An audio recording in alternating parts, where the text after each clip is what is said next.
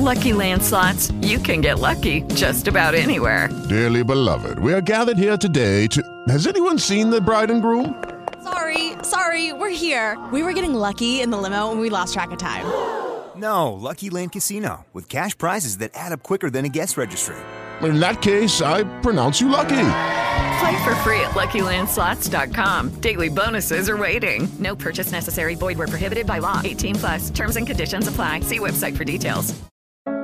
To może być transformującym doświadczeniem, w którym też jest miejsce i na spokój, i na mądrość, i na miłość, bo to może być ten moment, kiedy uświadamiamy sobie, że ten ból jest dlatego tak ogromny, bo kogoś bardzo kochamy. To, co się z nami dzieje, kiedy przeżywamy żałobę, w zasadzie wszystkie te zachowania są normalne. I kiedy o tym wiemy, możemy uśmierzyć swój ból, przestać się bać, przestać się czuć, jakby coś z nami było nie tak.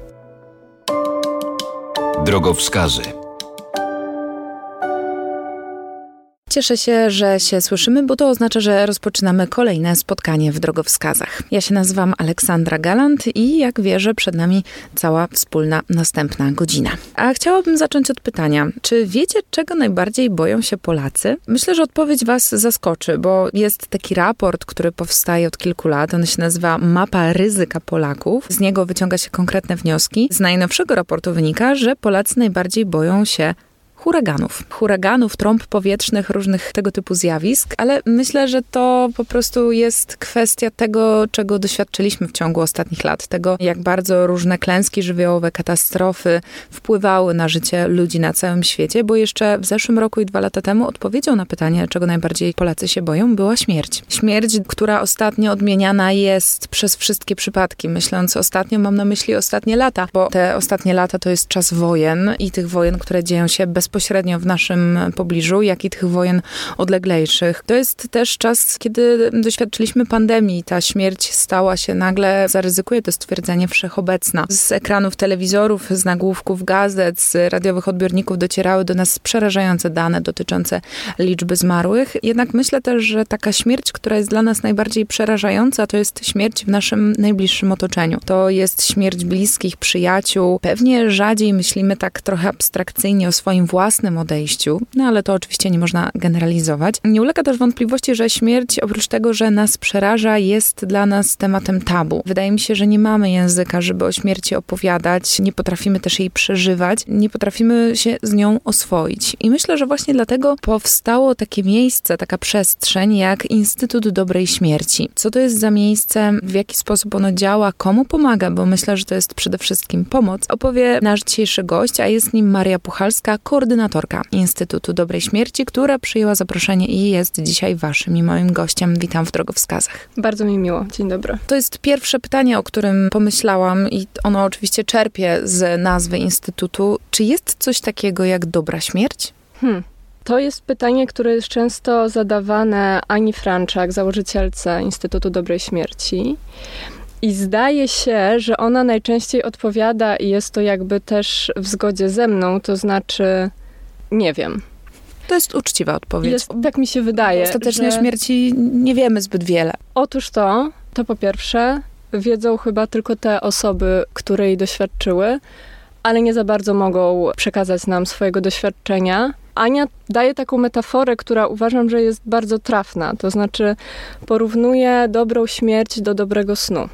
I wtedy można sobie zadać pytanie, czy to jaka jest jakość naszego snu, czy to zależy od ostatnich pięciu minut dnia? Czy to zależy, jak ten cały dzień przeżyliśmy? Czy dobrze jedliśmy, ruszaliśmy się, czy być może mieliśmy jakieś kłótnie i teraz nie możemy zasnąć, bo one nie dają nam spokoju? Wydaje mi się, że to, czy ta śmierć jest dobra, decyduje o tym w dużej mierze to, czy ocenimy nasze życie jako dobre. Oczywiście też mamy pewne wyobrażenia na temat śmierci, które mogą być mocno podsycane różnymi emocjami, między innymi lękiem. I wtedy na przykład możemy powiedzieć sobie, że dla nas dobra śmierć to jest śmierć w czasie snu, kiedy nie czujemy bólu, kiedy nie jesteśmy świadomi. Albo możemy powiedzieć sobie, że dobra śmierć to jest śmierć w otoczeniu rodziny. Więc moja odpowiedź to jest nie wiem, chociaż myślę, że każdy będzie mieć jakoś swoją. My chcemy, żeby ta nazwa Instytutu właśnie bardziej prowokowała te pytania i bardziej prowokowała namysł nad tym, niż żebyśmy tutaj udzielały jakichś konkretnych odpowiedzi. Wydaje mi się, że w Twojej poprzedniej wypowiedzi były nawiązania do słów albo przeżyć osób, którym towarzyszyłaś w czasie odchodzenia, ale zanim zapytam Cię o to, to może warto naświetlić, w jaki sposób pracujesz. To znaczy, oprócz tego założenia, o którym przed chwilą powiedziałaś, co jest celem Instytutu? Przede wszystkim Instytut to jest przestrzeń edukacyjna.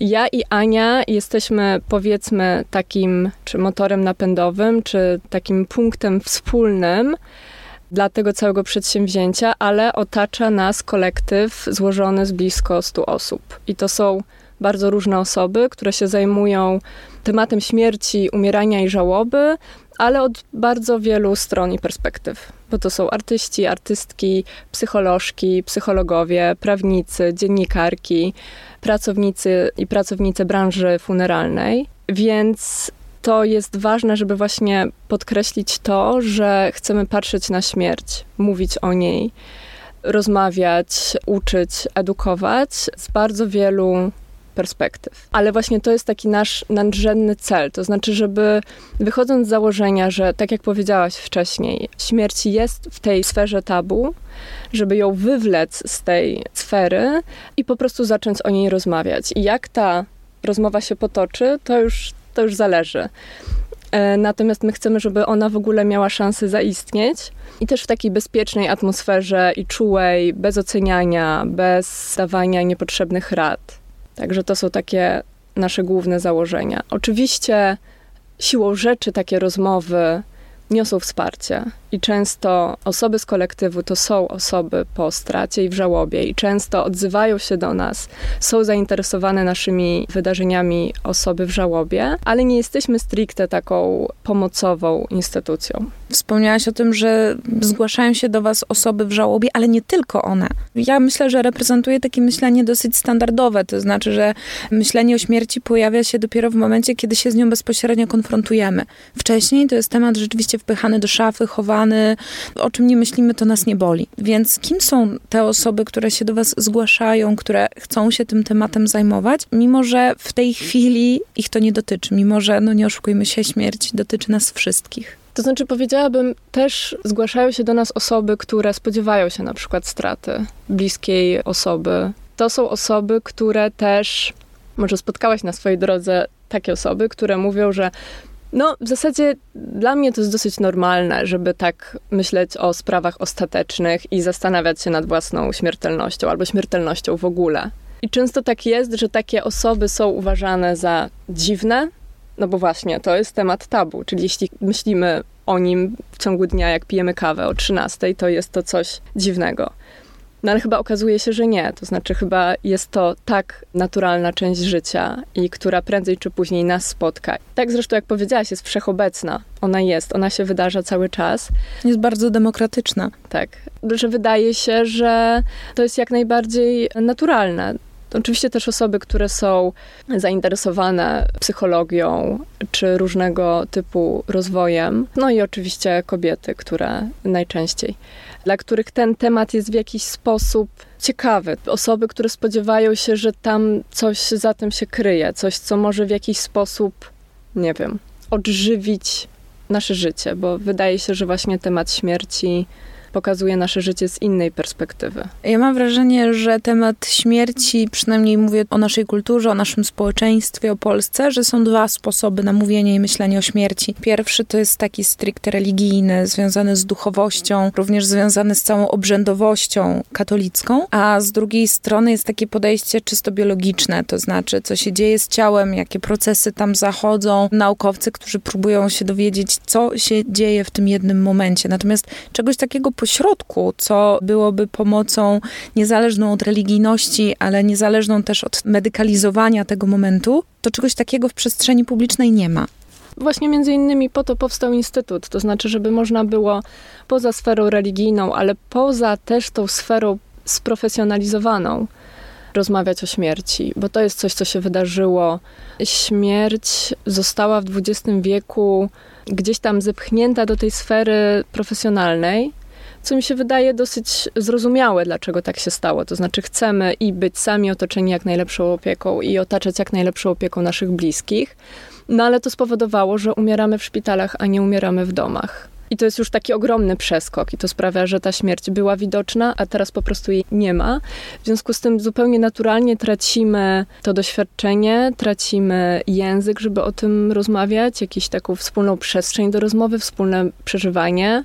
No bo kiedyś śmierć była przeżywana wspólnotowo i teraz nie jest. Myślę, że to też stąd też szukanie takich instytucji jak Instytut żeby właśnie znaleźć pewnego typu wspólnotę. Na ostatnim naszym spotkaniu Dev Cafe, to jest taki międzynarodowy format takich spotkań, że się spotykamy przy kawie i rozmawiamy. My to prowadzimy także online, ale jedna z członkiń naszego kolektywu, Marta, powiedziała właśnie o czymś takim jak wspólnota cierpienia.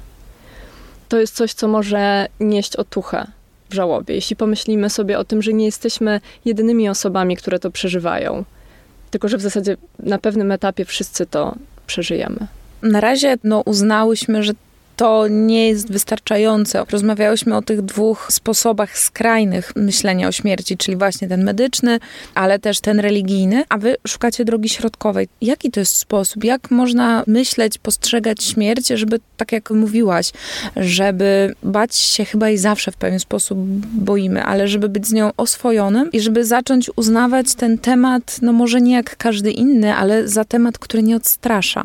No więc przede wszystkim to chodzi o edukację i ja bardzo lubię porównanie, którego zaczęłam ostatnio używać. To znaczy, że edukacja funeralna trochę działa tak jak edukacja seksualna. To znaczy, kiedy zaczynamy, ten temat może nas bezpośrednio nie dotyczyć, możemy mieć pewne wyobrażenia, czy w tym momencie życiowym nie dotyczyć, możemy mieć pewne wyobrażenia, lęki, emocje, ale kiedy zaczynamy uczyć się, to znaczy śmierć, proces umierania ma bardzo konkretne objawy. To są sygnały, które są powtarzalne, które kiedyś były czytelne dla ludzi, a teraz już nie są, ale sama wiedza o tym, jak ten proces umierania przebiega, a także jak można się zająć ciałem ukochanej osoby, albo potem jak można zorganizować ceremonię pogrzebową, sama wiedza przynosi otuchę i ulgę i robi właśnie to, co można określić oswojeniem tego tematu. Bo przestaje to być jakiś temat w sferze zupełnie nieznanej, że nie wiemy, co z tym zrobić, ale widzimy bardzo konkretne rzeczy, rozpoznajemy je i to uśmierza lęk i uśmierza cierpienie. Podobnie jest z tematem żałoby. Jeśli wiemy, jakie uczucia, zachowania mogą się pojawić w czasie żałoby, która jest procesem, zdaje się, znacznie bardziej rozbudowanym niż klasyczne pięć faz, które funkcjonuje w takiej wiedzy obiegowej, wtedy też możemy w naturalny sposób je znaturalizować. To znaczy, to, co się z nami dzieje, kiedy przeżywamy żałobę, w zasadzie wszystkie te zachowania są normalne. I kiedy o tym wiemy, możemy uśmierzyć swój ból, przestać się bać, przestać się czuć, jakby coś z nami było nie tak. I też dzięki temu możemy w odpowiedni sposób komunikować się z tym światem zewnętrznym, który czasami zazwyczaj w dobrej wierze chce nam narzucić jakieś nasze rozumienie śmierci, czy nasze rozumienie żałoby. Natomiast kiedy wiemy, jak możemy to przeżywać, to, to jest łatwiej. Mam nadzieję, że w drugiej części naszej rozmowy porozmawiamy więcej o tym, jak wygląda praca z osobami w żałobie, z czym one się borykają i w jaki sposób można im ulżyć w tym, co przeżywają. Ale na koniec tej części naszej rozmowy chciałam się z Tobą podzielić takim stwierdzeniem, które ja gdzieś kiedyś usłyszałam czy przeczytałam. Mianowicie, że człowiek w żałobie płacze nie tyle nad tą osobą, której już nie ma, ale nad sobą i swoim światem bez tej osoby to jest znowu nawiązanie do religii, że no, tej osobie, która zmarła, może być lepiej. To znaczy wierzymy, że na przykład nie czuje bólu, który mógł jej towarzyszyć przez te ostatnie tygodnie czy miesiące przed śmiercią. Natomiast no, ból zostaje z nami. Bardzo podobne zdanie przeczytałam ostatnio w książce amerykańskiej pisarki Rok Magicznego Myślenia. Ona opisywała, jak wyglądał jej rok po stracie męża, z którym była w małżeństwie przez 40 lat. I ona właśnie tam użyła takiego sformułowania, że elementem żałoby jest to zabrzmi bardzo ocennie, natomiast myślę, że nie musi tak brzmieć. To znaczy, że elementem jest takie użalanie się nad sobą. Natomiast myślę, że, że żałoba jest tak szerokim doświadczeniem, że jest tam rzeczywiście nie tylko strata tej bliskiej osoby, ale też strata naszego wspólnego życia, strata roli, jaką odgrywaliśmy, czy to była rola partnerki, partnera, matki, córki, że po prostu tracimy tą rolę. Tracimy też pewne wyobrażenie o swoim życiu, jak ono będzie dalej wyglądało, bo ono nie będzie już z tą osobą. Ta żałoba dotyczy strat wielu wielu rzeczy, nie tylko osób, ale też wyobrażeń. Razem z Marią Puchalską, koordynatorką Instytutu Dobrej Śmierci, rozmawiamy dzisiaj o śmierci właśnie, ale nie tylko o samej śmierci, ale również o tym wszystkim, co jej towarzyszy, czyli żałobie, poczuciu straty, pewnym smutku, żalu, tęsknocie, a także o sposobach, jakie mamy, jakie istnieją, żeby do tego życia powrócić, mimo tego braku, który już nam będzie najpewniej towarzyszył. I mam nadzieję, nadzieję, że na tym skupimy się już za moment. O tym,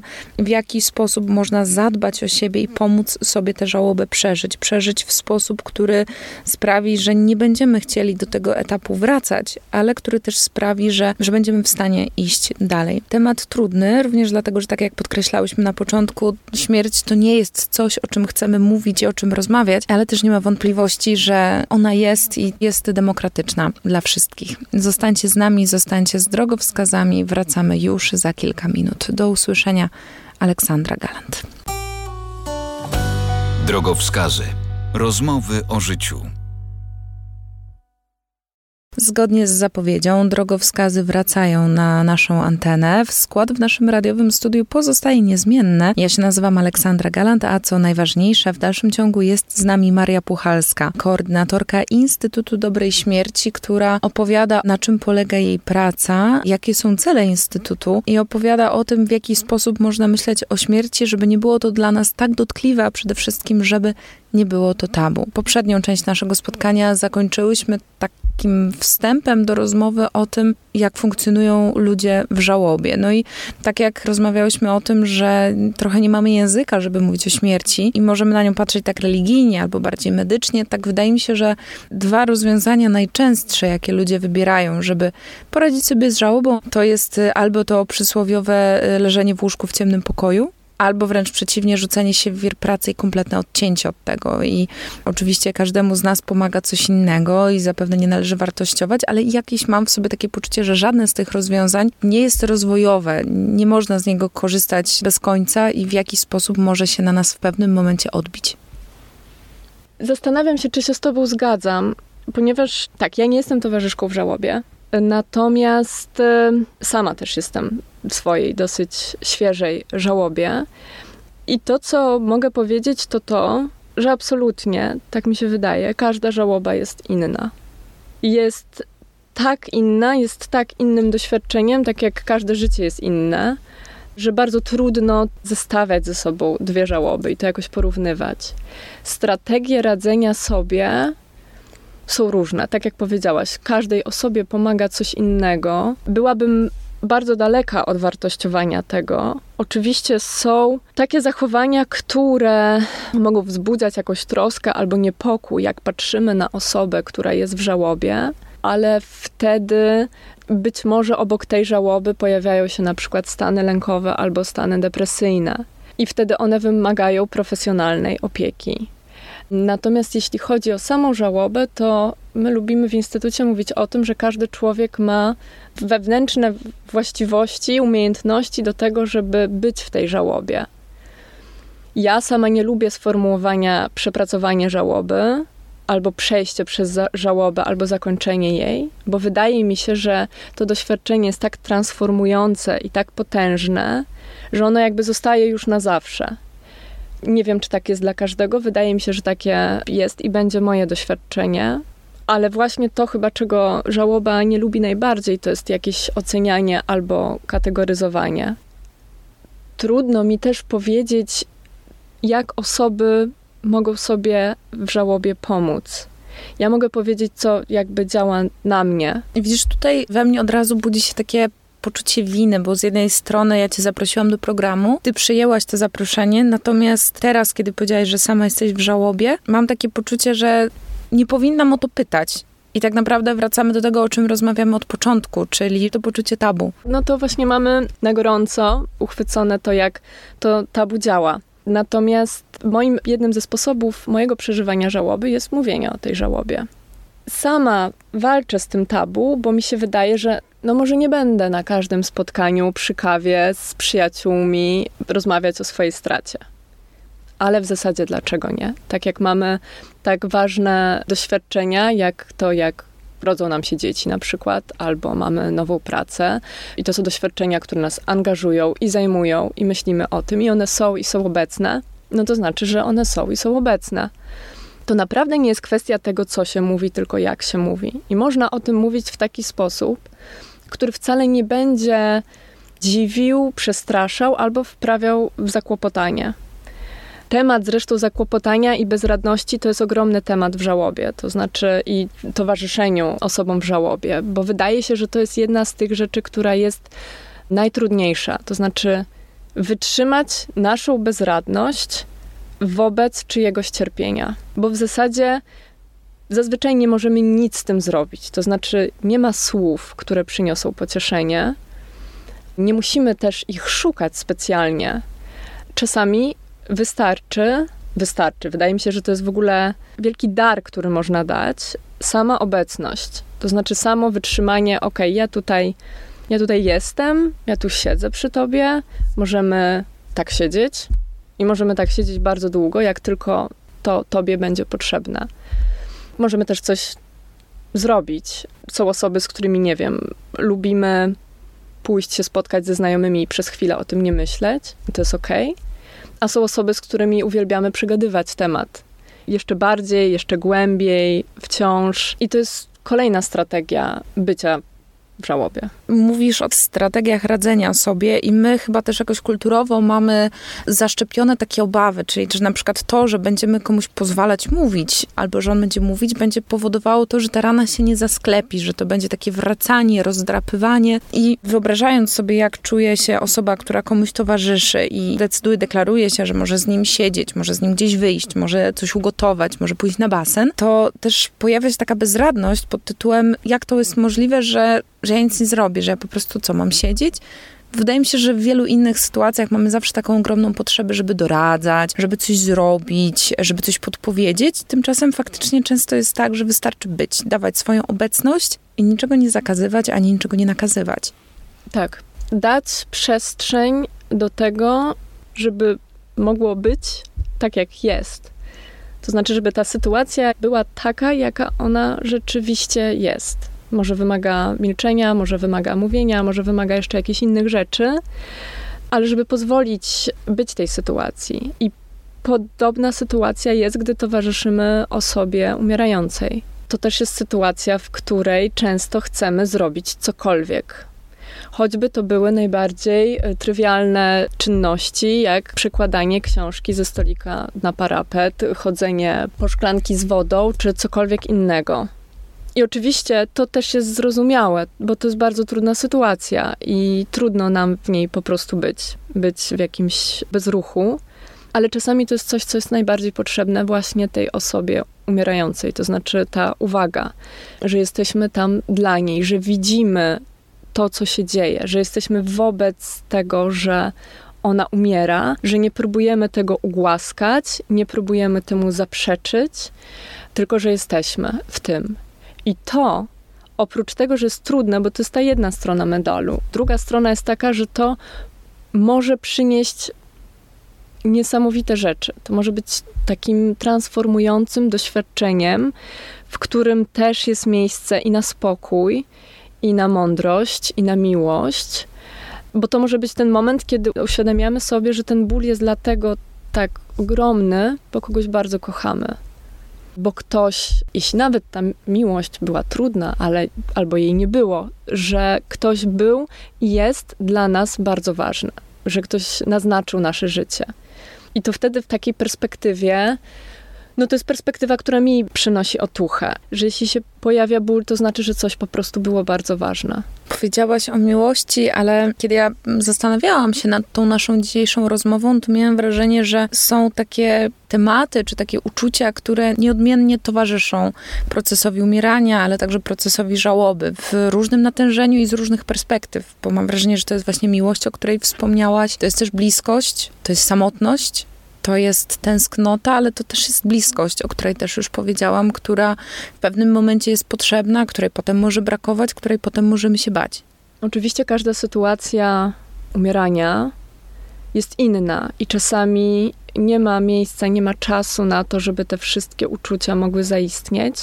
Ale znowu wracam do tego, jak ważna jest edukacja. To znaczy, jeśli wiemy, że pewne rzeczy możemy zrobić, że możemy siedzieć przy osobie umierającej, dotykać jej w określony sposób, albo puszczać jej ulubioną muzykę, albo robić drobne rzeczy, na które ma ochotę. Jeśli wiemy, że to wszystko jest e, dostępne, no to właśnie wtedy mamy szansę na to, żeby ten czas, który jest, jest niesamowity, jest niepowtarzalny, żeby on rzeczywiście zaistniał. Jest jeszcze jeden wątek, którego do tej pory nie poruszałyśmy, przynajmniej nie wprost i nie w takiej skali, jak myślę, że warto. To jest żal.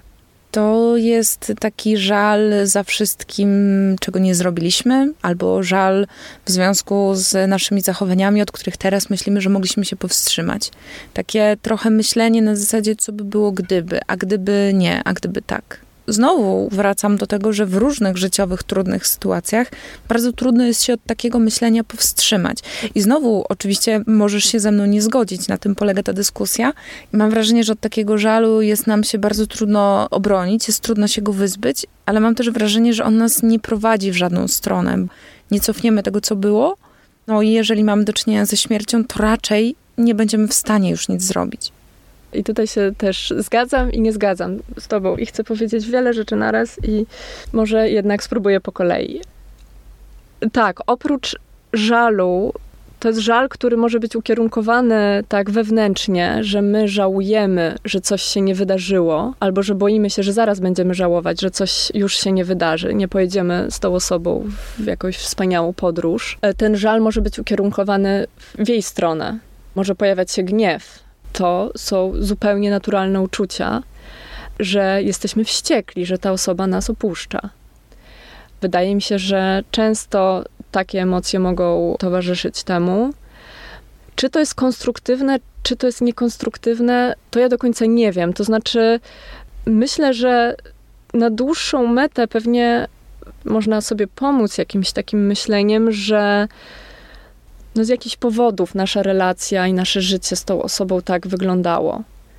Że to jest w jakimś sensie uzasadnione, że byliśmy tacy, więc w taki sposób się zachowywaliśmy. Natomiast też wydaje mi się, że warto też się nie zadręczać tym, co czuć i w jaki sposób czuć.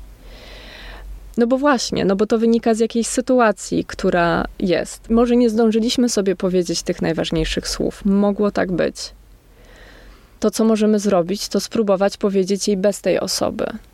Wydaje mi się, że niektórym osobom to przynosi ulgę.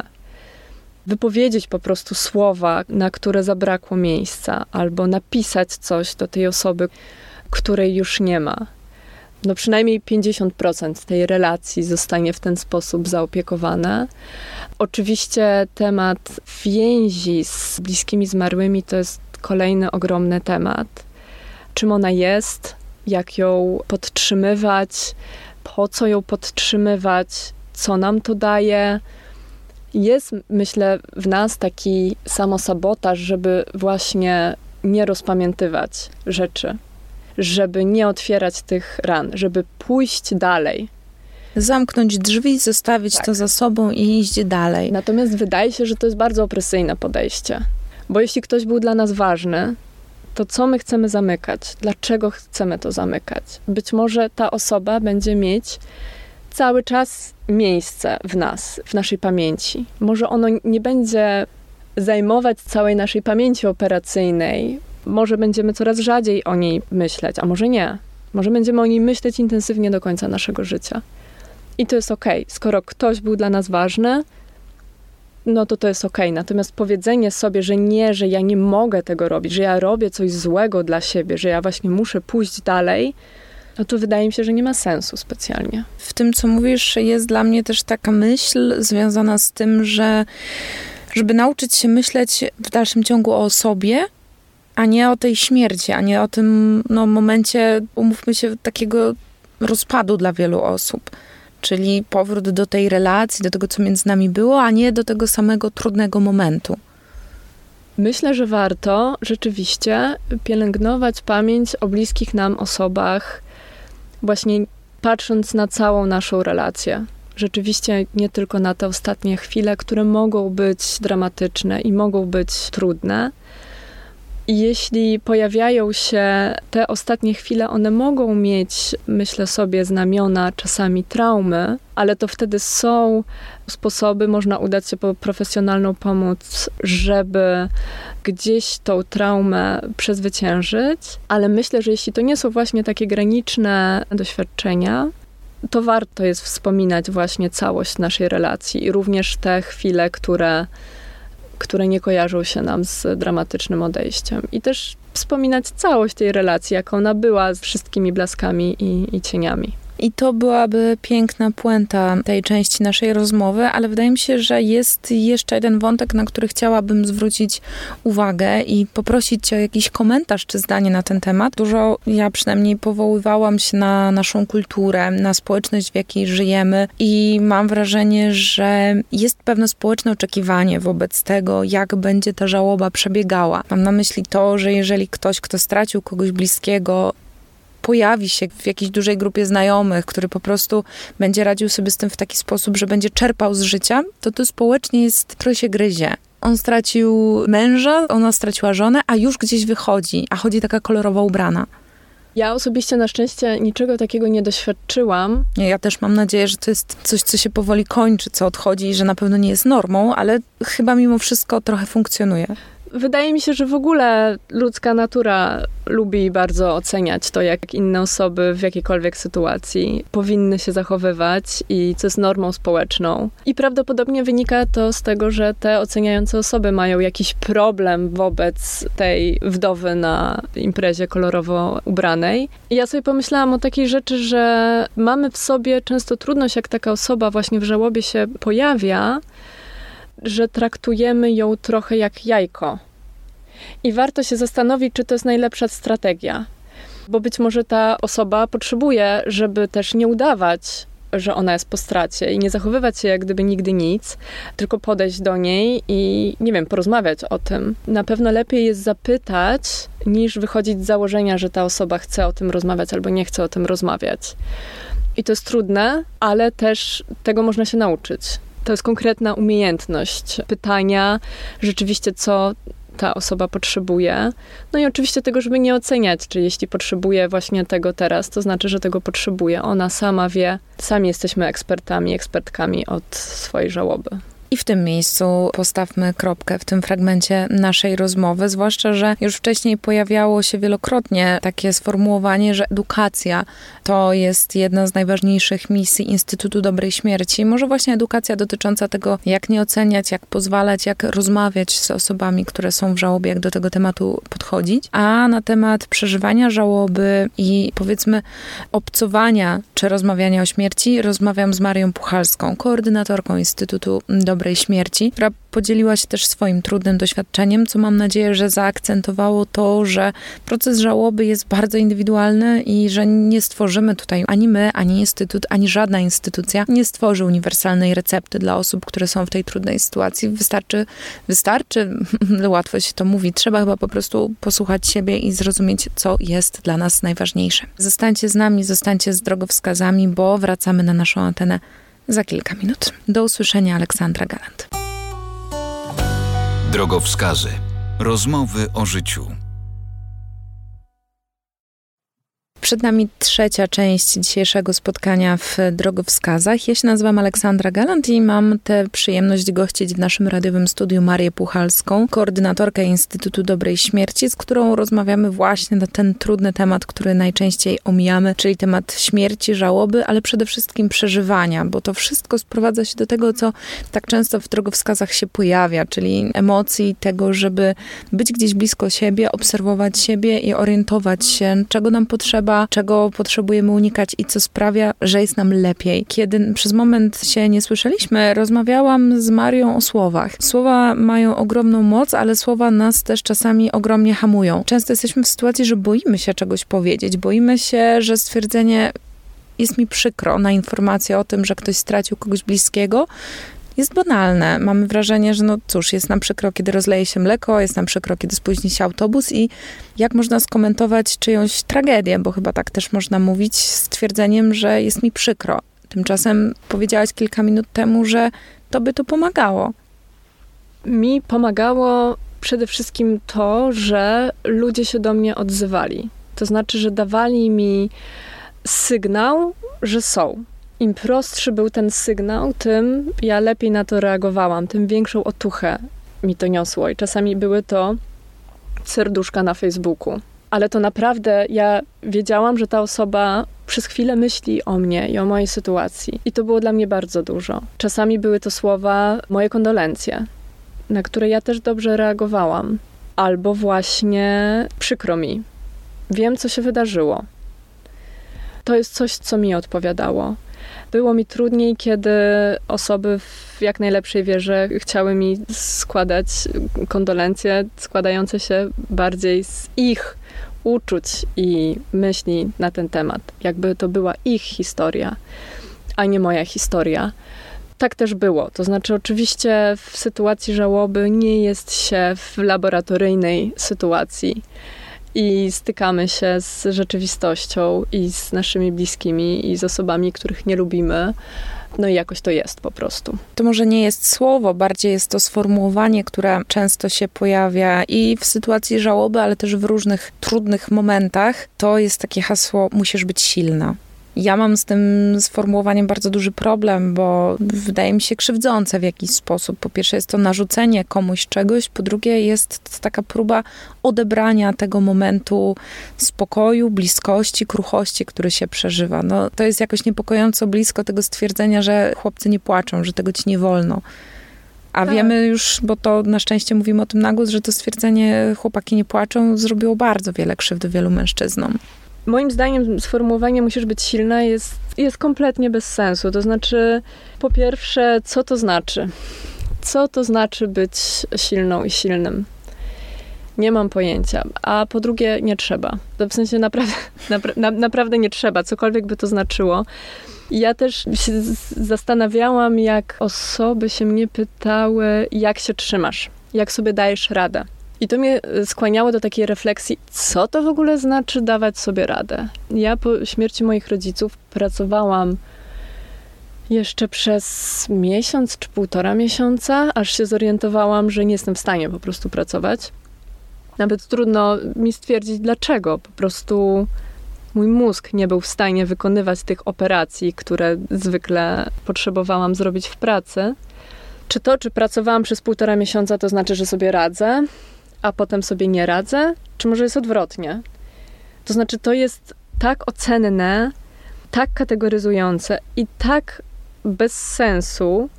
Oczywiście też to były pytania w jak najlepszej wierze, tak sobie wyobrażam. Jak się trzymasz? No ja nie mam pojęcia, jak ja się trzymałam i jak się trzymam teraz, i właśnie co to tak naprawdę znaczy. I jak. No nie wiem nie wiem. To było tyle właśnie ciekawe, że po raz pierwszy się nad tym zastanawiałam i po raz pierwszy chyba wtedy zaczęłam dawać sobie mocne przyzwolenie na to, żeby sobie. Ja mam z tym w ogóle problem, to jest jakiś mój temat, ale żeby sobie nie dawać rady. Żeby sobie naprawdę nie dawać rady. Że to jest okej, okay, że są sytuacje, w których to jest zupełnie. To jest najnaturalniejsza reakcja na to, co się wydarzyło Myślę, że to nie jest, y, absolutnie nie chcę ci tego zabierać, ale raczej chodzi mi o to, żeby zwrócić uwagę na to, że to jest problem wielu z nas, że moment, kiedy odpuszczamy, kiedy przestajemy sobie dawać radę, kiedy rzeczy nam się wymykają spod kontroli, to jest moment, który traktujemy jak moment porażki. Myślę, że tak jest i, my, i myślę, że to powoduje takie myślenie bardzo nas krzywdzi i, i inne osoby po prostu ale że gdzieś jesteśmy w całym takim psychicznym, kulturowym, społecznym systemie, który bardzo to gdzieś tam podlewa cały czas to, żeby być efektywnym pracownikiem, wrócić szybko do pracy. Perfekcyjna mama, perfekcyjna kobieta, tak. idealny mąż. Niedawanie sobie rady jest w sprzeczności z tą perfekcją. Nie jest moim celem absolutnie piętnowanie nikogo, bo myślę, że takim głównym, globalnym założeniem tej rozmowy jest założenie o dobrych intencjach ludzi, którzy są wokół i którzy mogą się niepokoić, jak ta żałoba u kogoś przebiega, że być może trochę się od takiego normalnego życia za bardzo oddalił, ale to też jest takie sformułowanie chyba, na które trzeba uważać, a ja też uważam, że w drogowskazach też mogą się znaleźć pewne podpowiedzi, takie światełka, informacje o tym, jaki ciężar gatunkowy mają niektóre sformułowania. To jest bardzo blisko tego, musisz być silna, to jest weź się w garść, pozbieraj się, ogarnij się. Tak. Nawet, podkreślam, w dobrej wierze, którą zakładam, że wszyscy mamy. W instytucie staramy się, by ważne jest dla nas to, żeby z jednej strony żałoba jest jakimś również jakimś stanem psychicznym, mm, nieustannie fluktuującym, ale żeby rozgraniczyć to, to znaczy żałoba nie jest chorobą. Warto sobie powiedzieć. Tak jak wspomniałam wcześniej, żałobie mogą towarzyszyć inne niepokojące objawy właśnie stanów depresyjnych czy stanów lękowych i to wtedy warto taką osobę, jeśli coś nas niepokoi, to skierować po pomoc. Są instytucje, które się tym zajmują, na przykład Fundacja Naglesami albo Centrum Emocja. To są instytucje, które właśnie pomagają osobom po stracie. Są też osoby, na przykład Ania Franczak jest towarzyszką w żałobie, przeszkoloną w Niemczech, która między innymi jest przeszkolona do tego, żeby rozpoznawać, kiedy ta żałoba wymaga jakiejś profesjonalnej, medycznej interwencji. Bo tak może być.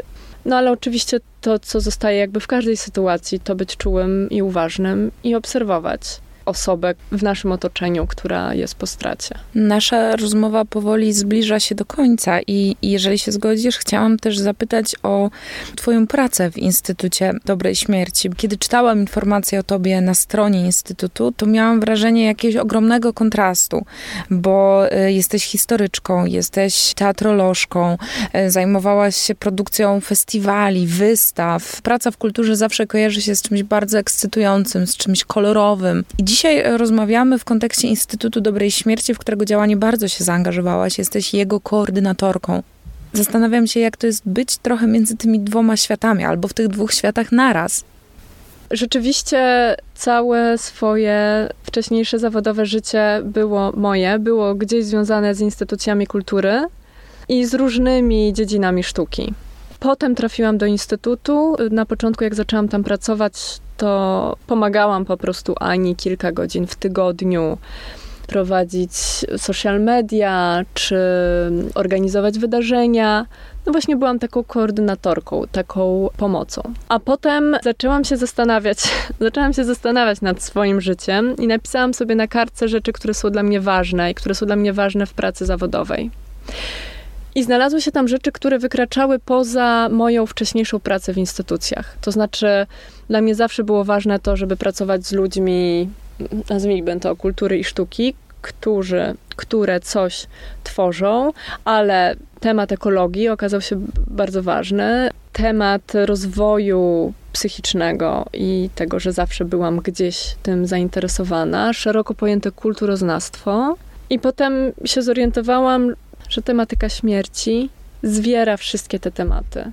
Ona po prostu zawiera to w sobie, więc mam wrażenie, że ten skręt wcale to nie był taki skręt pod kątem 90 stopni, że ja nagle poszłam zupełnie inną drogą, tylko teraz patrzę na to jako dosyć naturalną taką ewolucję I też staram się czerpać jakby z tych moich wcześniejszych doświadczeń, czy wcześniejszych studiów, które ukończyłam, bo teraz jak sobie o tym myślę, że Robiłam licencjat z historii i badałam testamenty mieszczek krakowskich w XVI wieku, albo potem, jak na studiach magisterskich w Krakowie, interesowałam się bardzo tematyką zagłady i tematyką II wojny światowej w polskich muzeach współczesnych, historycznych, no to gdzieś mi się to jakoś spina po prostu. Ten temat śmierci, on jakoś był obecny zawsze i też w moim życiu osobistym też był obecny. I to też nie jest tak, że to moje życie w instytucjach kultury było ekscytujące i kolorowe, a teraz nie jest. Wydaje mi się, że jest trochę odwrotnie, bo rzeczywiście te spotkania, jakiekolwiek spotkania organizujemy, czy to jest Dev Cafe, czy to jest w końcu o końcu, czy to są warsztaty, po dwóch godzinach takiego spotkania ja mam poczucie, że wychodzę z na chwilę zawiązanej wspólnoty, która się stała sobie bliska, ponieważ rozmawiamy o tak intymnych tematach i to jest zupełnie naturalne. Nikt nie jest tym zdziwiony. I zazwyczaj wszyscy się śmieją. I to jest naprawdę niesamowite. Co robi ten temat, jak ma okazję do tego, żeby wybrzmieć? Jak mamy przestrzeń do tego, żeby się dzielić tymi wydawałoby się rzeczami, którymi się nie da podzielić. A jednak wydaje mi się, że, że się da i że naprawdę warto próbować. Waszym i moim gościem była dzisiaj Maria Puchalska, koordynatorka Instytutu Dobrej Śmierci. Ja mogę się tylko podpisać pod tym, bo widzę całe przekonanie, jakie ma w sobie Maria, że warto przełamać jakieś takie swoje opory. Ja swoje przełamałam dzisiaj, bo także się bałam tej rozmowy, bałam się, jak będę reagować, ale wierzę, że to jest dobra rozmowa i wierzę, że pokazała temat śmierci, żałoby z innej perspektywy. Może nie radosnej, ale takiej, która pozwala przeżyć ten czas w jakiejś bliskości ze sobą, bliskości z ludźmi, którzy nas otaczają i coś z niej dla siebie wziąć, mimo tego bólu, który może się pojawić. Mario, bardzo Ci dziękuję, że znalazłaś czas i że zgodziłaś się z nami podzielić i swoim doświadczeniem, ale też doświadczeniem pracy w Instytucie. Dziękuję bardzo, było mi bardzo miło. Tej rozmowy możecie posłuchać w internecie. Ona jest dla Was na naszym radiowym Spotify, a także na kanale drogowskazów w serwisie YouTube. Zachęcam, żebyście do niej sięgnęli albo przysłali ją osobom, które w tej trudnej sytuacji są. Może znajdą jakieś ukojenie, a może Wy dowiecie się, jak tym osobom pomóc, jak je wspierać, co może sprowadzać się do tego, że po prostu z nimi będziecie. Do Waszej dyspozycji oczywiście są nasze adresy mailowe, które na pewno znacie, które są też na naszym Facebooku, do którego odwiedzania Was zachęcam zachęcam, a ja powiem tylko, że mam nadzieję, że słyszymy się już niedługo. Do następnego, Aleksandra Galant. Drogowskazy.